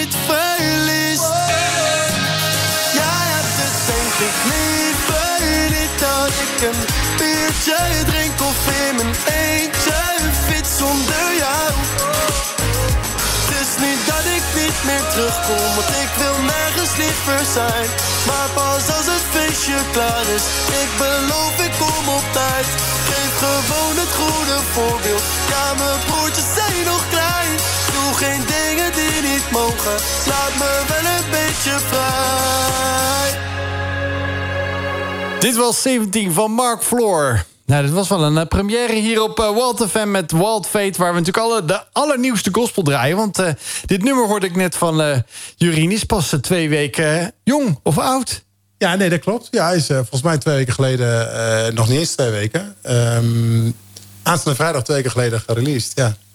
En deze komt natuurlijk gewoon op elke radiozender uh, in de nummer 1 hit uh, nou, lijst. Nee, daar ga ik niet vanuit hoor. Nee, het is hard werken joh. Helemaal in, de, in dat artiestenwereldje man. Er komt ook zoveel, wordt er gemaakt en geproduceerd. Het is heel hard werken om daar überhaupt tussen te komen. Maar dit klinkt wel echt vet. Jawel, is mooi hè? Ja, ja. nee, we zijn er allemaal trots op hoor. is heel leuk. Ja, ja. En gewoon herkenbaar, weet je. Hij schrijft, hij, schrijft, hij heeft nog uh, volgens mij 15 liedjes op de plank liggen inmiddels. Maar hij schrijft vanuit gewoon zijn tiener zijn. Vanuit het leven wat hij leeft. Dus dat is niet gekunsteld, dat is gewoon het leven van hem. Het eerste liedje, Hey Meester, dat ging echt over het onderwijssysteem... Wat, over het onderwijssysteem wat hij echt niet oké vindt. Nou, weet je, ook grappig. Dat is ergens in juli geloof ik uitgekomen. Waarin hij echt zegt van, joh, ja, ik leer gewoon eh, relatief heel weinig hier op school. Ik vind het niet interessant. Uh, ik leer soms nog meer op de fiets naar huis dan hier in de klas. Ja, het is natuurlijk super bij de hand. Schrijft hij dan ook, dat zegt hij dan ook. Maar het is wel wat hij ervaren heeft. En misschien uh, hebben wel heel veel tieners... zoiets van, hé, hey, dat herken ik ook. Ja, daar heeft hij heel veel feedback op gekregen. Van, ja. uh, dit is ja. precies mijn leven. Nou, we houden hem in de gaten, zou ik zeggen. Ja. Jurien, dan, dan, dan, kan je dat ook alvast tegen Mark voor zeggen. Nou, uh, bij deze uitgenodigd voor in de studio. Ja, nou, als hij het hoort, ga, nou, dan mag jij het doorgeven aan hem. Leuk als hij een keer langskomt in ieder geval. We moeten er even uit voor de verplichtingen om dit station draaiende te houden. We zijn zo met je terug met Jurien te brinken over zijn prachtige programma wat hij maakt. Be Courageous door te praten. Tot zo. Dit was heerlijk Back to You Neon Feather Remix. Nou, het is altijd weer, ja, misschien wel eventjes... Uh, zou ik bijna voor jezelf schrikken. Als je denkt, wow, is dit gospel? Ja, ook dit is gospel, beste luisteraar van Wild FM. Want uh, Wild Fate is ook gewoon een programma... waar we graag het hebben over... Ja, wat is geloven uh, in je dagelijkse leven? Dat is met vallen en opstaan. Maar het is ook een mooie toevoeging als je ook ja, God eigenlijk in je dagelijkse leven toelaat. En dat is vaak zo eenvoudig. Het is niet complex, maar daar ga je wel een nieuwe uitdaging mee aan. En nou ja, volgens mij hebben we daar met Jurien, ook het eerste uur fantastisch over gepraat en eh, doorgepraat over de, de impact die hij graag met zijn organisatie wil maken. Be Courageous eh, voor, eh, voor jongeren en met jongeren. Want vooral met jongeren, dus het is niet eh, voor jongeren, maar met jongeren. Samen optrekken en eh, ja, daarin eh, praten over de dingen van het leven sowieso. Eh, en ook wat dat betekent voor jezelf. Wat vond jij van het eerste uur eigenlijk, Marije? Wat is hierbij gebleven? Want uh, Jurgen vertelde, los van het toffe nummer trouwens, 17 van eh, zijn zoon. Nou ja, wat ik sowieso bijzonder vind, of wat me dan raakt, is wel dat je zegt: hé, er zijn eigenlijk veel jongeren die moeilijkheden kennen in hun leven. Jij gaf daar de, titel gebrokenheid aan. En als je, Joost, jij dan zegt van hè, over de Bijbel, over wie God is, over geloven, dan ben ik wel benieuwd, Jurien, of dat je, als je de Bijbel leest, ook ziet dat ook daar al jongeren waren die het moeilijk hadden. eh, en dat, ja, dat daarin voor hun geloof zo belangrijk was. Ja, nou specifiek als je het over jongeren hebt, eh, moet ik gelijk denken aan dat eh, Paulus, een van de, de grotere schrijvers hè, van meerdere brieven aan de jonge christelijke gemeente, het he- heeft over zijn, een van zijn leerlingen, Timotheus. En dat er eigenlijk heel vol lof is over, over zo'n jonge gast die al eh, van jongs af aan gewoon trouw was in het leven met God en eh, in, het, in het voorleven en voorbeeld zijn. En dat vind ik wel mooi, want dat, dat, dat probeer ik ook altijd gewoon mijn eigen kinderen als, als vader, maar ook tieners en jongeren die we spreken, die bij ons thuis op de bank zitten, of nou, die we gewoon in allerlei projecten of op festivals tegenkomen. Te houden van, joh, eh, je hebt eigenlijk geen idee wat voor een mooi voorbeeld je bent gewoon als mens. Eh, ik geloof dat God heel veel van zichzelf in de schepping heeft gelegd, in tieners legt. Ehm, dus daarin mag je echt eh, het verschil maken in je klas. En af en toe even maar gewoon lawaai maken door je stem te laten horen. Als je bijvoorbeeld onrecht ziet plaatsvinden in de klas. Of iemand, ah, flikker op een homo, weet je. Het is allemaal zo makkelijk en zo snel gezegd en geroepen. En we bedoelen er allemaal niks mee. Maar ondertussen, hè, we weten als volwassenen dat de, de woorden die we uitspreken... heel veel kracht, heel veel impact hebben. Dus als tiener, als jongere gewoon ehm, ehm, als een Timotheus trouw zijn... als je in een christelijk gezin bent opgegroeid... en ehm, op zondag misschien wel meezingt met je handen in de lucht... al die mooie gospelsongs... laten we proberen dan als christen ook in de klas... en ik op mijn werk en jij en jouw netwerk... eh, het verschil te maken. Niet zozeer in hele grote woorden... maar gewoon in wie je bent als mens. En als je dan geen christen bent en eh, luistert naar dit radioprogramma, naar deze show, en dan denkt: hé, hey, maar als je dan gelooft en dus christen zou zijn, en je hebt ook te maken met ja, pittige dingen die in je leven zijn gebeurd, dingen die nu gebeuren. Ik bedoel, het is best wel turbulent nu. Met al die eh, hoge kosten en inflatie. En nou, het nieuws staat er bomvol mee. Is dan geloven in God een uitkomst? Wordt het dan beter? Nou ja, weet je, ik zou niet de nadruk op geloven in God willen leggen voor een niet-gelovige. Want daarmee zou ik iets communiceren als van, joh, je hebt nog iets niet wat je wel moet krijgen of zo. Ik zou de focus heel sterk willen leggen gewoon op God als schepper. Dus hij, hij, hemzelf als de schepper die ehm, eh, ons mensen gemaakt heeft. Dus voor hem is er geen verschil of je nou wel christen bent of niet christen bent. Of je nou heel tof bent of misschien eh, iets minder tof bent. Hele mooie dingen doet of eh, eerder als je op je leven heel veel slechte dingen gedaan hebt. Ik, ik, ik lees in mijn Bijbel over een God die de bron van liefde is. Die mensen uniek gemaakt heeft. En het is zijn verlangen dat zijn mensen dat die gelukkig zijn. Dat die eh, tot hun bestemming komen. Dat ze geliefd zijn door hem allereerst. Nou, dat is voor mij het uitgangspunt. Dus als iemand luistert nu en denkt van ja, oké, ja, prima, maar ik snap het allemaal niet zo goed, want eh, het gaat over christenen en ik ben helemaal geen christen. Eh, het is voor mij zo'n waarheid dat zeg maar, God eh, van elk schepsel houdt, dat er geen voorwaarde is en dat ehm, elk mens eh, uiteindelijk alleen maar diep geluk kan en zal ervaren als hij iets van God gaat ontdekken. Dus ik zou gelijk, ik wil me haasten om te zeggen, eh, probeer het eens. Ga eens op zoek, ga op, ontdekkingsto- op, op, op ontdekkingstocht. Wie is Jezus? Of stel jezelf de vraag, wat vind je eigenlijk van Jezus? Nou, en om je mening te vormen, moet je misschien even wat gaan lezen. Of eh, op eh, eh, internet even wat gaan zoeken. Of misschien wel wat filmpjes over een simplificatie van Jezus. Of een, een uitvoering van Jezus in een of andere Jezusfilm of wat dan ook. Dan zul je ontdekken, heel veel mooie dingen ontdekken. Die wij nu ook in deze tijd, hè, dus al duizenden jaren geleden. Maar as we speak, ook in deze tijd, knijters hard nodig hebben als het gaat over de principes van God. Over het zorgen voor elkaar. Niet alleen aan jezelf denken. Tegelijkertijd momenten van rust creëren. Je hoeft niet overspannen te worden. Je hoeft niet de, de, de redder van de wereld. te- Weet je, al die dingen, hele simpele dingen. Er zijn zoveel mooie handvatten in de Bijbel over het leven met God. En over wie hij is. Ja. Wat betekent dat voor jou? Voor mij, voor mij is God alles. Voor mij is God de bron van, van mijn bestaan. Ehm, God is voor mij, wat ik net zei, de bron van liefde waar, ehm, waar, ik, waar ik altijd weer uit kan putten. Eh, God is voor mij ehm, het wezen, die, eh, de, de, de scheppende kracht, de, de scheppende God die, die mij elke dag als het ware weer de energie geeft om te leven. Eh, de God die mij in Jezus laat zien wat de richting is. Een voorbeeld in Jezus om niet alleen aan jezelf te denken, niet alleen met jezelf bezig te zijn, maar vooral ook recht te doen aan de ander in plaats van waar heb ik recht op. Hè? Dat zijn van die, van die hele diepe waarheden wat mij betreft. Ja. En je zegt, eh, dat vond ik wel mooi, hè? Eh, het is een bron waar ik elke dag weer liefde uit kan putten. Dan rijst bij mij de vraag, hè, hoe doe je dat dan? Wat als ik verlang naar meer liefde in mijn leven, hoe vind ik dat dan? Hoe kan ik daar mijn dorst eigenlijk in lessen, Mhm. soort van, in een beetje beeldspraak gesproken? Ehm, ik kan alleen iets vertellen over hoe ik dat ervaar, hoe ik dat doe. Dat is gewoon het contact met God. Dus, dus, dus God betrekken, met God praten zoals wij nu in gesprek zijn. Heer God, wilt u me helpen? Ik vind het een moeilijk moment. Of Heer, wilt u me helpen? Want ik heb niet zoveel zin vandaag. Heer God, wilt u erbij zijn? Want ehm, ik zie aan een van mijn kinderen dat hij of zij even iets minder lekker in zijn of haar vel zit.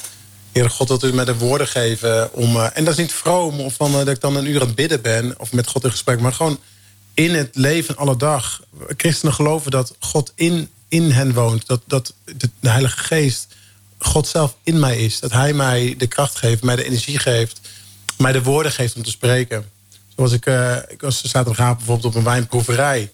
Eh super gaaf in de paleistuinen van het, La- van het Lo. In de paleistuinen, helemaal mooi en zo. En eh, weet je, ja, dat was een soort, soort eh, zaken-business eh, event. En eh, ik had zoiets van, ja, ik pas helemaal niet tussen. Ik, ik ben wel een sociaal ondernemer. Ik vind het heel mooi om, eh, om mooie dingen te doen. Maar ik, ik, eh, ik ben niet iemand van een jasje en een dasje, weet je wel. Maar dan ben je daar. En toen sprak een vrouw mij aan van... hé, hey, ik ken je. We hadden meegaan even nog een opvoedprogramma recent. En hé, hey, ik ken je daar en daarvan. Ben jij dat? En ja, klopt. En nou, toen kwam dat heel verhaal. En zij vertelde iets uit haar leven. En toen ervoer ik dat, dat, dat ik namens God haar mocht bemoedigen. Door gewoon wat woorden, woorden te spreken over wie God is. En zij zat in een hele lastige fase in haar leven. En toen heb ik verteld, joh, ik geloof in een God die er altijd bij is. Jij zegt dat je God niet kent, maar dat je wel gelooft in, in hogere macht. Of dat er iets is. Ik geloof dat God in elk mens die soort van spirituele antenne gemaakt heeft. Die op zoek is naar die connectie met God. Dus ik vertelde haar van, joh, ehm, of je dan gelooft of niet, dat maakt niet uit. Hij is erbij, want zijn naam is Yahweh. Dat is een ingewikkelde eh Hebreeuwse naam. Maar dat betekent niets meer en niets minder als... ik ben God en ik zal er altijd bij zijn. Als het eh, iets is waar we net voor deze heerlijke song eh, over praten, dan was het wel van eh, dat Jorien graag ook gewoon ja, ten alle tijde. Nou ik zou niet zeggen een woordje paraat heeft, want God spreekt ook door hem heen, door de Heilige Geest, zoals hij dan zei. Ze, wij als christenen zeggen wel eens, de christenen hebben het wel eens over drie in één goden: hè? Jezus, God, de Vader en de Heilige Geest. Ja, de, verdiep je daar eens in, want dat, eh, dat was ook de, de Jorien zijn eh, ja, oproep eigenlijk... om eh, het ook niet te complex te maken. Maar ik ben dan heel benieuwd, Jorien. Eigenlijk, we zeggen hier altijd druk op de rode knop... want dan gaan we de tijdmachine in. Dus dat zal ik dan ook maar eventjes even spreekwoordelijk even voor jou doen. Hoppakee. Want dan, gaat die, dan gaan we die deur eventjes openen van die tijdmachine. Want... ik ben eigenlijk wel heel erg benieuwd waar jij ons, eh, waar jij ons mee eh, naartoe gaat nemen, eh, Jo- Jorien. Want daar gaan we ons nu klaar voor maken. We gaan eh, de tijdmachine in. En eh, ik ben heel benieuwd, eh, Jorien, waar jij ons naartoe gaat nemen in de Bijbel. Welk Bijbelverhaal? Ja, ik, ehm, ik ruik een beetje zweet. Een beetje een, een leer. En, eh, het is wat stoffig. Het lijkt wel alsof we in de woestijn zijn, joh. Volgens mij staan we aan de rand van ehm, ergens Egypte. En ehm, vlakbij het beloofde land, zoals het in het Oude Testament in de Bijbel staat. En eh, ik vind het wel mooi om eh, iets te delen over Jozua. Ken je Jozua? Zeker. Jozua wordt door God geroepen om in die vieze, stinkende sandalen van zijn knecht Mozes te gaan staan. Mozes die ehm, heeft 40 jaar lang zo'n beetje dat volk Israël vanuit Egypte, wat 400 jaar, 400 jaar in slavernij zat, bevrijd, door die woestijn geleid vanuit Egypte richting Israël. Maar er gebeurde het een en ander tijdens die 40 jaar. En Mozes kan helaas zelf niet dat beloofde land Israël in. En dan vraagt God aan Mozes om Jozua dat te laten doen. En dat vind ik wel een heel mooi gedeelte. Dat kun je lezen in Jozua 1. Want dan kan ik me zo voorstellen dat zo'n Jozua... en dat, dat zegt hij ook. Ja, maar ik kan toch niet die grote leider Mozes... die 40 jaar lang in de woestijn ons hier eh, doorheen getrokken heeft. Ik kan, ik kan die rol niet overnemen. Die is veel te groot. Het is veel te spannend. En dan zegt God tegen me... Jozua, ga het maar gewoon doen. Ik zal erbij zijn. Wees moedig, wees dapper, wees sterk. Laat je niets onthouden of tegenhouden. Want waar ook gaat, ik zal erbij zijn. Nee, daar hadden we het net al even over. Dat is het hart van God blijkbaar. Dat hij erbij is. Dat hij aanspoort, dat hij je bemoedigt. eh, dat je het niet alleen hoeft te doen. Dat vind ik prachtig. Mighty Fortress van Rijen. Nou, een van onze favoriete DJ's hier bij Wild Fate.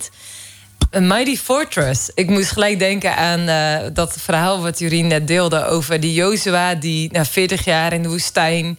met alle, het hele volk van Israël opeens voor het beloofde land staat. Het land van melk en honing. En eh, daar was ook een machtig fort wat ingenomen moest worden. En dus jij zei net, eh Jurien, dat je het zo tof vond... dat God zei, je ook gaat, wees sterk en moedig. Daar waar je gaat, ga ik met je mee. Maar hij stond nogal voor Ja. eerst een hele brede rivier over te gaan... die buiten de oevers liep omdat het eh, regenseizoen was. Ja, onbekend land, was het wel veilig. En dan vervolgens zeg maar daar een megastad die dus echt versterkt was. Waarvan iedereen dacht, ja, no way. Dat, gaan, dat gaat dat, dat woestijnvolk, die Israëlieten echt nooit overwinnen. Ja. Hoe, hoe ging dat verhaal verder? Jericho, hè? Ja, wat bijzonder, joh. Als je dat leest. ehm, ze moesten er zeven keer omheen wandelen, hè? Zeven keer in eh, een soort van geloof, vertrouwen. Van ja, joh, God vraagt om dit te doen. Maar we moeten toch vechten. Je gaat er niet eh, een stad wat de vijand is... en dan gewoon niet aan een bak, maar eh, er gewoon rondjes omheen marcheren. Hoe onlogisch kan dat zijn? Maar blijkbaar is dat ook wel weer een beetje wat geloof is. Dat is soms ook ergens onlogisch. Bijna kinderlijk soms. Hè? Van, eh, ik weet het niet precies, maar Heere God, ik geloof dat u eh, de touwtjes in handen heeft. En dat het u niet tussen de vingers doorglipt. Dat, eh, dat u het in handen heeft. Dus ik ga maar gewoon. En ehm, zeven is een heel bijzonder getal in de Bijbel. Staat ook voor de volheid van God. Hè? Dus zeven rondjes en die muren die donderden in elkaar. En dat gaf heel veel gedoe natuurlijk bij de inwoners van de stad. Maar Israël kon zo die eh, dikke vesting eh, eh, rotsblokken overstampen. En namen die stad in. Ja, dat is echt waanzinnig, hè? Dus wat je zegt van, hè, God zei dus tegen Jozua... wees sterk en moedig, want ik ga met je mee. En wat je dus zag, is dat welke uitdaging dat hij dan ook voor zich had... dat dat gewoon dat, ja, door een wonder zeg maar ook gebeurde. Ja, ergens anders staat in de Bijbel. Dat juist in mijn zwakheid, in jouw zwakheid... Gods kracht zichtbaar wordt. En dat is het ergens ook wel weer. Hè? Dus God zegt tegen Jozua, wees sterk en moedig. En tegelijkertijd, als mens in zwakte... zet je daar maar een stapje. God vraagt om te geloven. Zonder te zien dat je gaat overwinnen. En gebeurt het toch. Ja, dat is bijzonder. Is er, wel, is er nooit een film over gemaakt, joh? Dat zou gaaf zijn. Dat je gewoon over zo'n verhaal gewoon een, film maakt dat wellicht. Nou, bij deze. Kijk, het is gelijk inspiratie hier. hè? Zie je wel? Gaaf. Toch, dat is toch wel tof, ja. Ik ben ook wel benieuwd. eh, heb je ook een situatie in je leven waarvan je zegt van... ja, dat was ook voor mij zo'n moment dat God tegen me zei... eh Jurien, wees sterk en moedig. Daar waar je gaat, ga ik met je mee. Dat je zegt van, juist in mijn zwakheid... ik wist niet hoe het moest. Ik eh, had even geen overzicht. God zei gewoon echt... ik wist gewoon dat ik wist dat ik wist... dat God zei, ga. Ja. En dat het achteraf, dat je zegt, ja, waanzinnig. Het was als die stad Jericho, dat de muren naar beneden vielen... en echt gewoon een mega wonder gebeurd was. Ja. ja, ik vind het een moeilijke vraag. Weet je, weet je waarom? Ehm, ik ben qua karakter optimist. Dus dan is het heel makkelijk om dat te koppelen aan geloof met vrome woorden. Eh, want het is in mijn karakter eh, dat, dat, dat ik heel snel ga. eh, ik ben een activist in die zin. Dus ik wil graag verschil maken, al die dingen meer. Dus dan zou kunnen zeggen: joh, ik ga in het geloof van God, ik ga bla. Maar dan wordt het een vroom, onecht verhaal. Ik zit de afgelopen jaren in een fase in mijn leven ehm, waar het ehm, bij tijden heel ingewikkeld is. En ehm, ik veel meer vragen stel en eh, wat kritisch, behoorlijk kritisch over bepaalde eh, onderwerpen ben.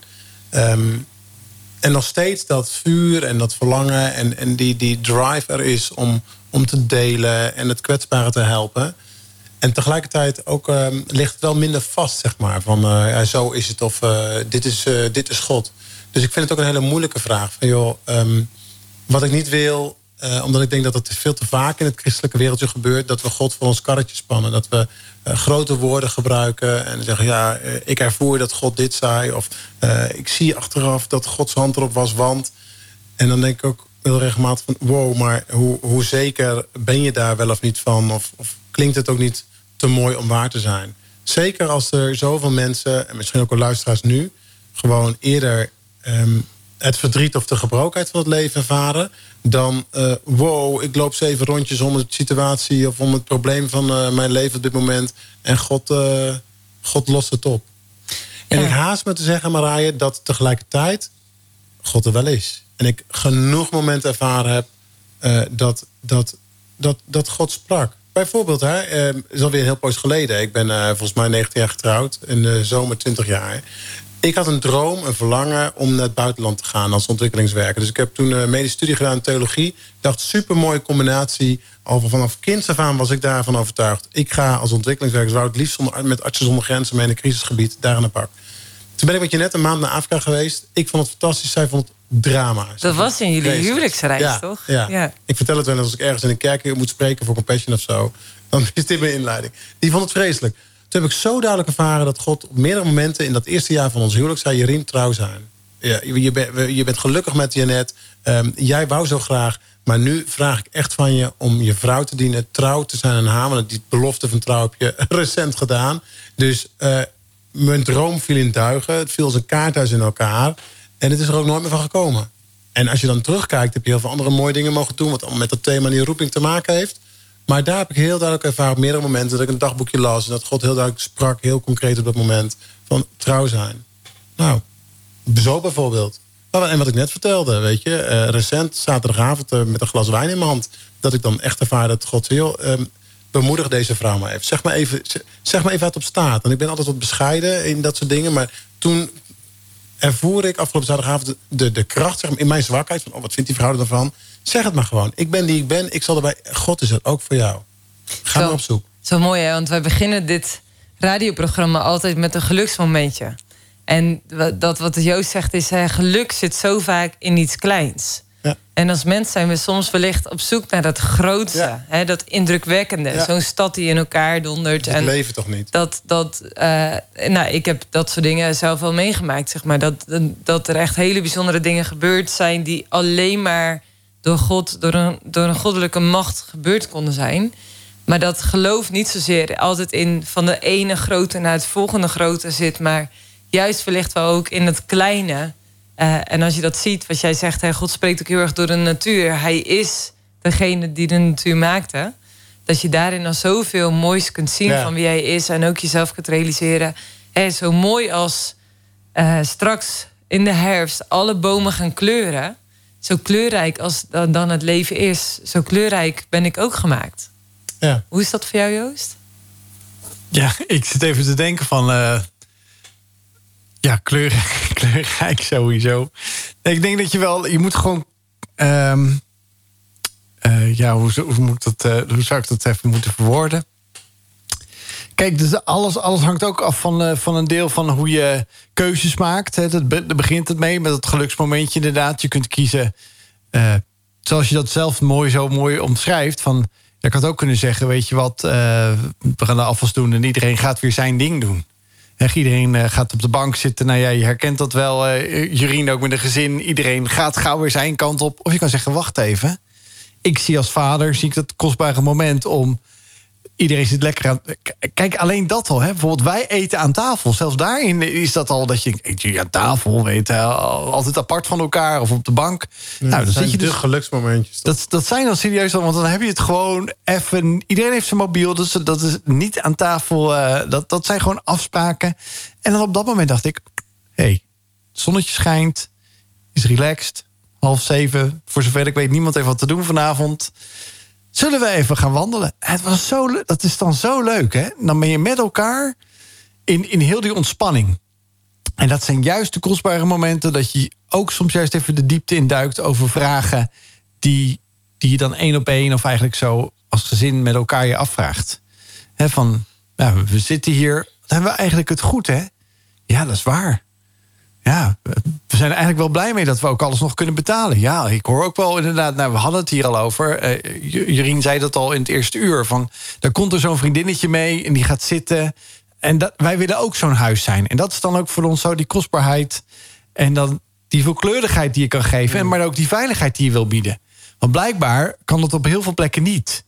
En dan komen die kinderen komen bijna mee. Mag ik met jou mee naar huis? Wordt er dan soms wel eens gevraagd aan, aan mensen. Of wij komen graag bij jullie, ouders. Nou, terwijl, en ik, en ik, wat ik ook ik ben een klein beetje ouder dan Jurien. Dus, maar dat zijn wel. En dat is misschien ook een mannending. Maar je bent echt met andere vragen. En soms ook echt totaal anders. Dat je denkt. Waar, waar wil ik nou voor? Wat wil ik nou doen? En recent kwam echt ja, de roeping. Hè, we hadden het over Joshua, die die, die, die roeping had om eh, naar die nieuwe, die nieuwe land in te gaan. En dan had ik ook bij mezelf op, ja, weet je, ik moet nog twintig jaar werken of zo. Eh, zit ik nog wel op de goede plek? En dat in één keer dan gewoon iemand die je helemaal eigenlijk niet goed kent, een collega, die, die zegt dan eigenlijk van. eh, volgens mij moet je doen wat je gewoon ook wil doen. Daar, daar zie ik je enthousiasme in terug. En dat was eigenlijk bevestiging van mij van. Als we dan hebben, dat het hier over dat God praat tegen je. Want daar hebben we al regelmatig eh, eh, uitzendingen over gehad. Denk ik, ja, maar God heeft daar wel over gesproken. En dan moet ik het ook volhouden. En dat is soms, soms wel eens een beetje de, de moeilijkheid voor jezelf om vol te houden. Maar dat was zo mooi. Oh, dat, eh dat Jurien net ook zei, zeg maar, het trouw zijn. Dat is soms iets wat, eh, wat niet vanzelf gaat, maar waarbij je echt jezelf moet oefenen. Dit was Science van Cathy Hurst. Misschien eh, ervaar je wel als je nu luistert naar Wild Fate hier op Wild FM... dat je denkt, ja, dit was toch wel een teken om misschien... eh, ja, toch ook wel eens wat eh, met dat geloof te doen... of die spiritualiteit waar eh, op woensdagavond door eh, Marije en Joost altijd over wordt gesproken. Ja, en volgens mij... eh, ik, eenvoudig, dat, dat kan heel eenvoudig, toch, eh, Jurien? Als je God wil uitnodigen. Jij ziet dat misschien ook wel terug in, in het werk wat je doet... of met de jongeren met wie je bezig bent. Zeggen, ja, God is toch een beetje ver weg... maar hoe moet dat dan dichtbij komen? Ja, nou weet je, wat ik wel jammer vind aan de, aan de Nederlandse cultuur, zeg maar, is dat, dat, ehm, als het over geloof gaat, zeg maar, ehm, eh, er niet heel veel openheid is op middelbare scholen, zeker niet op seculiere scholen, om ehm, dat zomaar eh, even eh, uit te kunnen leggen. Dus wij zijn altijd wel voorzichtig, omdat we ook veel op seculiere scholen zitten, om heel expliciet te zijn over, over wat geloof dan inhoudt en wie God dan is. Dus wel vanuit een ik-boodschap vertellen we vaak wel één, twee, misschien eens drie keer over hoe wij naar het leven kijken en wat we dan ervaren eh, van en, en, over God.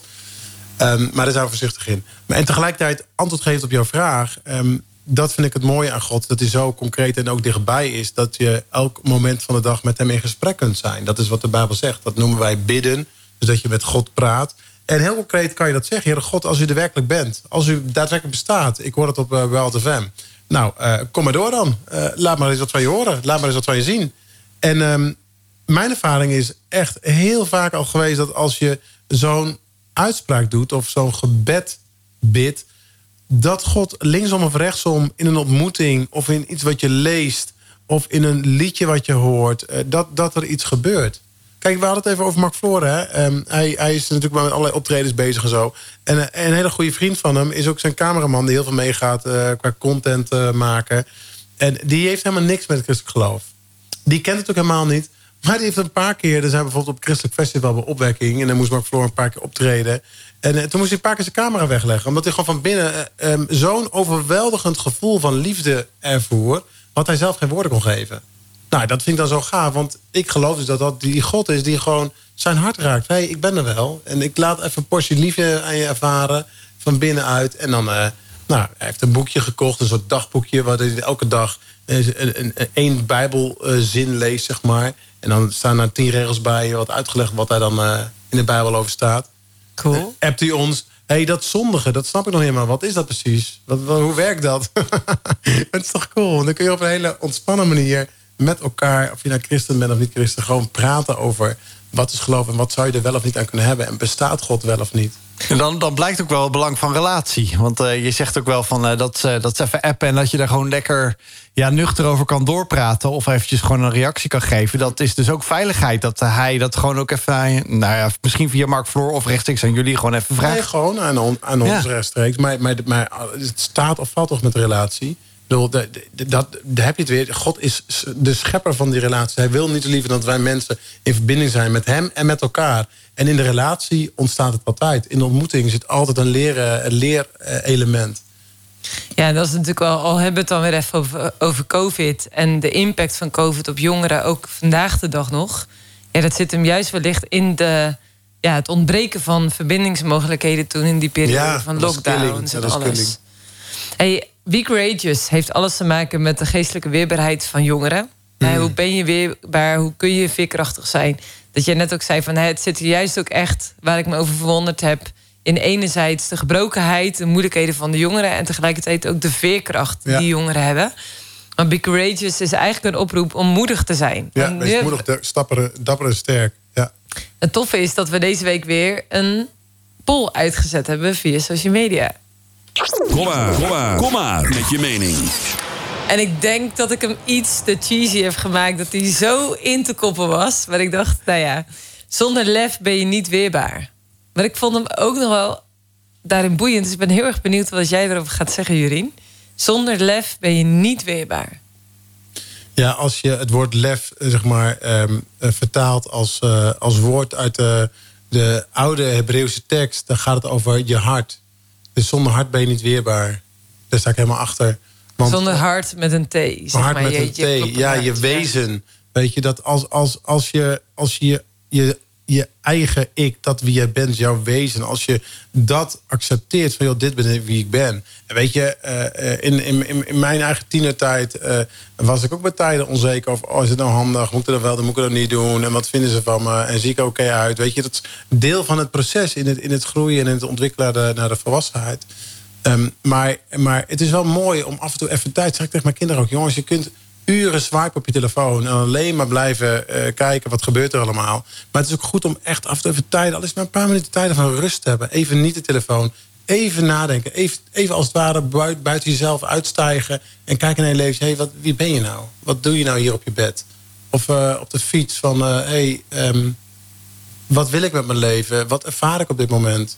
Dus dus zonder, je, zonder niet het accepteren van wie je bent, ja, ja, is het ingewikkeld, denk ik.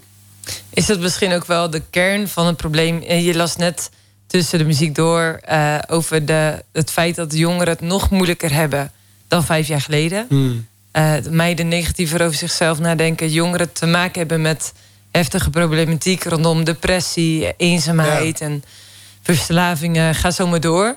Dat wellicht het feit dat ze geleefd worden door constant impulsen, Ja. eh, berichten, eh, de Snapchat waarvan je zegt van ze weten altijd waar iedereen uithangt en jij bent de enige die thuis op de bank zit eh, en niet weg mag of niet weg wil of niet uitgenodigd Ja, bent. we zitten in een systeem. We zitten op de een of andere manier in een systeem nu. De wereld is een dorp geworden. Dus we weten alles van elkaar. We kunnen op de voet de oorlog volgen aan de andere kant van de wereld. Dat heeft het ook gewoon voor ons brein, voor wie wij zijn en hoe we over de dingen denken, ook hier gewoon super ingewikkeld te maken, gemaakt. En dat is, gewoon, dat is gewoon echt lastig. Dus dat is echt intens. Daarom geloof ik, ik geloof dat. eh, Laten we vooral eerlijk zijn over ons leven. Laten we vooral eerlijk zijn door te zeggen: jongens, het is ingewikkeld geworden. Het is echt lastig om in deze tijd gewoon je mannetje te staan. Om lef te hebben, om, om, om een stap naar voren te zetten. En logisch dat we eerder liever allemaal een stap naar achteren zetten, omdat het gewoon onveilig voelt. Die grote wereld, joh, wat op mijn schermpje links en rechts allemaal binnenkomt, super lastig. Ja, dus die lef heeft ook alles te maken met... heb je lef om de lef met een V, je hart, in de ogen te kijken... om te zien wie je bent. Ja, En dat maakt dan weerbaar. ja precies dat. Ja. We zeggen altijd, oh man, die twee uur vliegt dan toch altijd weer zo snel voorbij. Ja.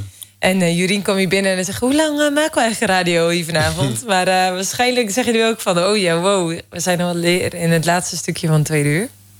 Ja, dat eh, een uurtje was heel kort geweest, hè? Hey, Zombie Courageous Day, hoe ziet dat eruit? Ehm, als wij een dag op een middelbare school zijn, dan zijn we over het algemeen met, nou laten we zeggen, rond de 100 leerlingen in een gymzaal. En eh, dan draaien we een programma van s ochtends 10 tot 's middags een uurtje of drie. Zo. Uitloop naar half vier. Ja, met een paar keer met een lunchpauze uiteraard. En s ochtends een keer eh, tien minuten pauze. En dan praten we over het leven. We hebben allerlei werkvormpjes. Dat we eh, de tieners en jongeren in een kleine groep zetten van zes, zeven leerlingen. Een mentor of groepsleider erbij. En ehm dan praten we over dat talent. We praten over de functionaliteit van maskers. Dat we allemaal wel eens een masker opzetten. Eh, we leggen uit wat voor soort maskers dan we allemaal wel en niet eh, hebben. En ehm, vragen om ehm, een werkvorm in te vullen. Om tieners zelf even te laten kijken naar hey, welke masker herken ik en gebruik ik wel eens. Eh, we luisteren naar levensverhalen van groepsleiders of van een mentor zelf. We kijken naar een filmpje. Het gaat over social media. We lezen een aantal levenssituaties voor... waarin tieners zich wel of niet herkennen. Waarin we vragen om fysiek echt lichamelijk een stap naar voren te zetten.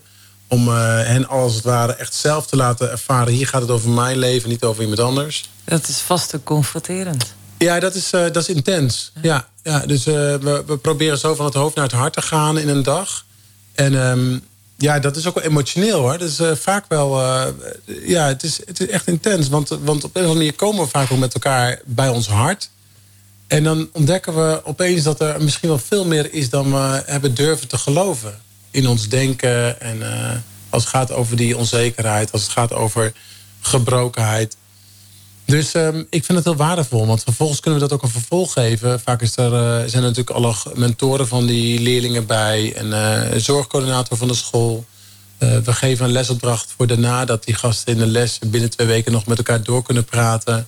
Allemaal niet heel spannend en ingewikkeld, maar wel noodzakelijk om, ehm, als je wilt doorpraten eh, over een issue, dan kun je dat doen. Met je docent of met een zorgcoördinator of iemand uit de kerk of de coach van je sportvereniging. Zo tof, hè? Want je zegt net, je hebt lef nodig om weerbaar te zijn. Je hebt lef in de, z- in de zin van het Hebreeuwse woord lef, hart, je hart nodig om te verbinden met je hart. En dat is eigenlijk iets wat jullie initiëren op zo'n dag.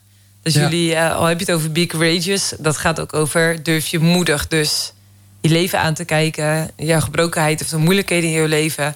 Maar daar dus niet alleen maar naar te kijken, maar daar ook een vervolg aan te geven als het nodig Ja, is. dat woorden te geven, het serieus te nemen. Ja, en ook gewoon te vragen, help. Want ik zit even in een eh, fase dat ik het even niet alleen kan. En het is heel prima om te vragen, wil je me helpen?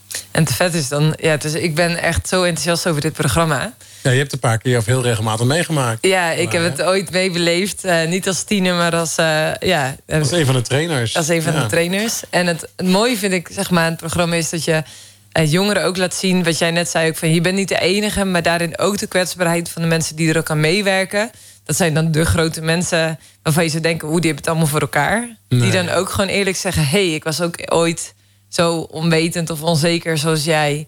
Ja. Hier sta ik nu, maar het is oké. Het is oké om niet oké te zijn. Ja, ja, precies dat. We zijn net mensen, joh. Dus of je groot bent of wat kleiner, of je tiener bent of eh, een volwassene. Of je daar voor de klas staat of in de klas zit.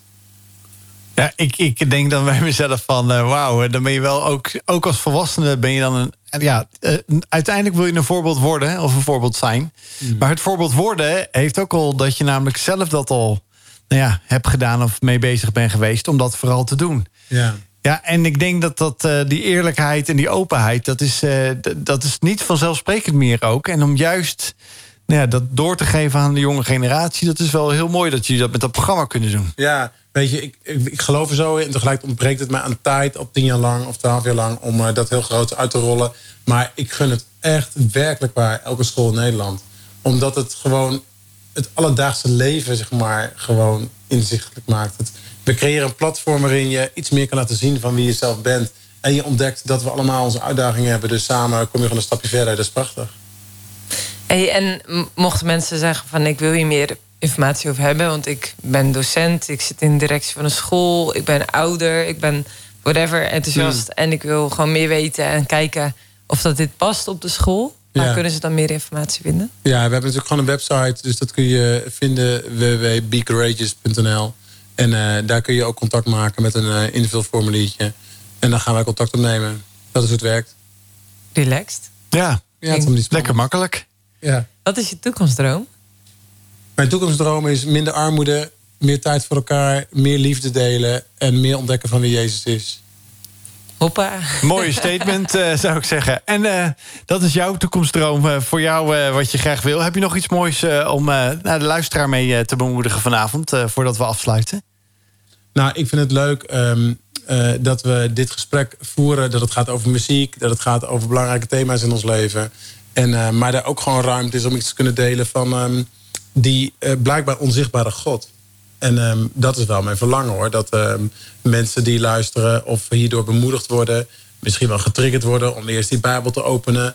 Ehm, of eh, eh, bemoedigd worden om eh, voorzichtig weer een stapje te zetten, misschien wel naar een kerk. Of mensen die denken, hé hey, ja, ik ben ook als christen opgegroeid en ik zit hier als tiener of als jongere of ik lig hier in mijn bed. Maar ik doe er eigenlijk geen flikker meer mee. Weet je, het is zo mooi aan God dat je elke dag gewoon weer een nieuwe kans krijgt. Dat gewoon elke dag, wie wil het nou niet? Elke dag een nieuwe kans. Is prachtig?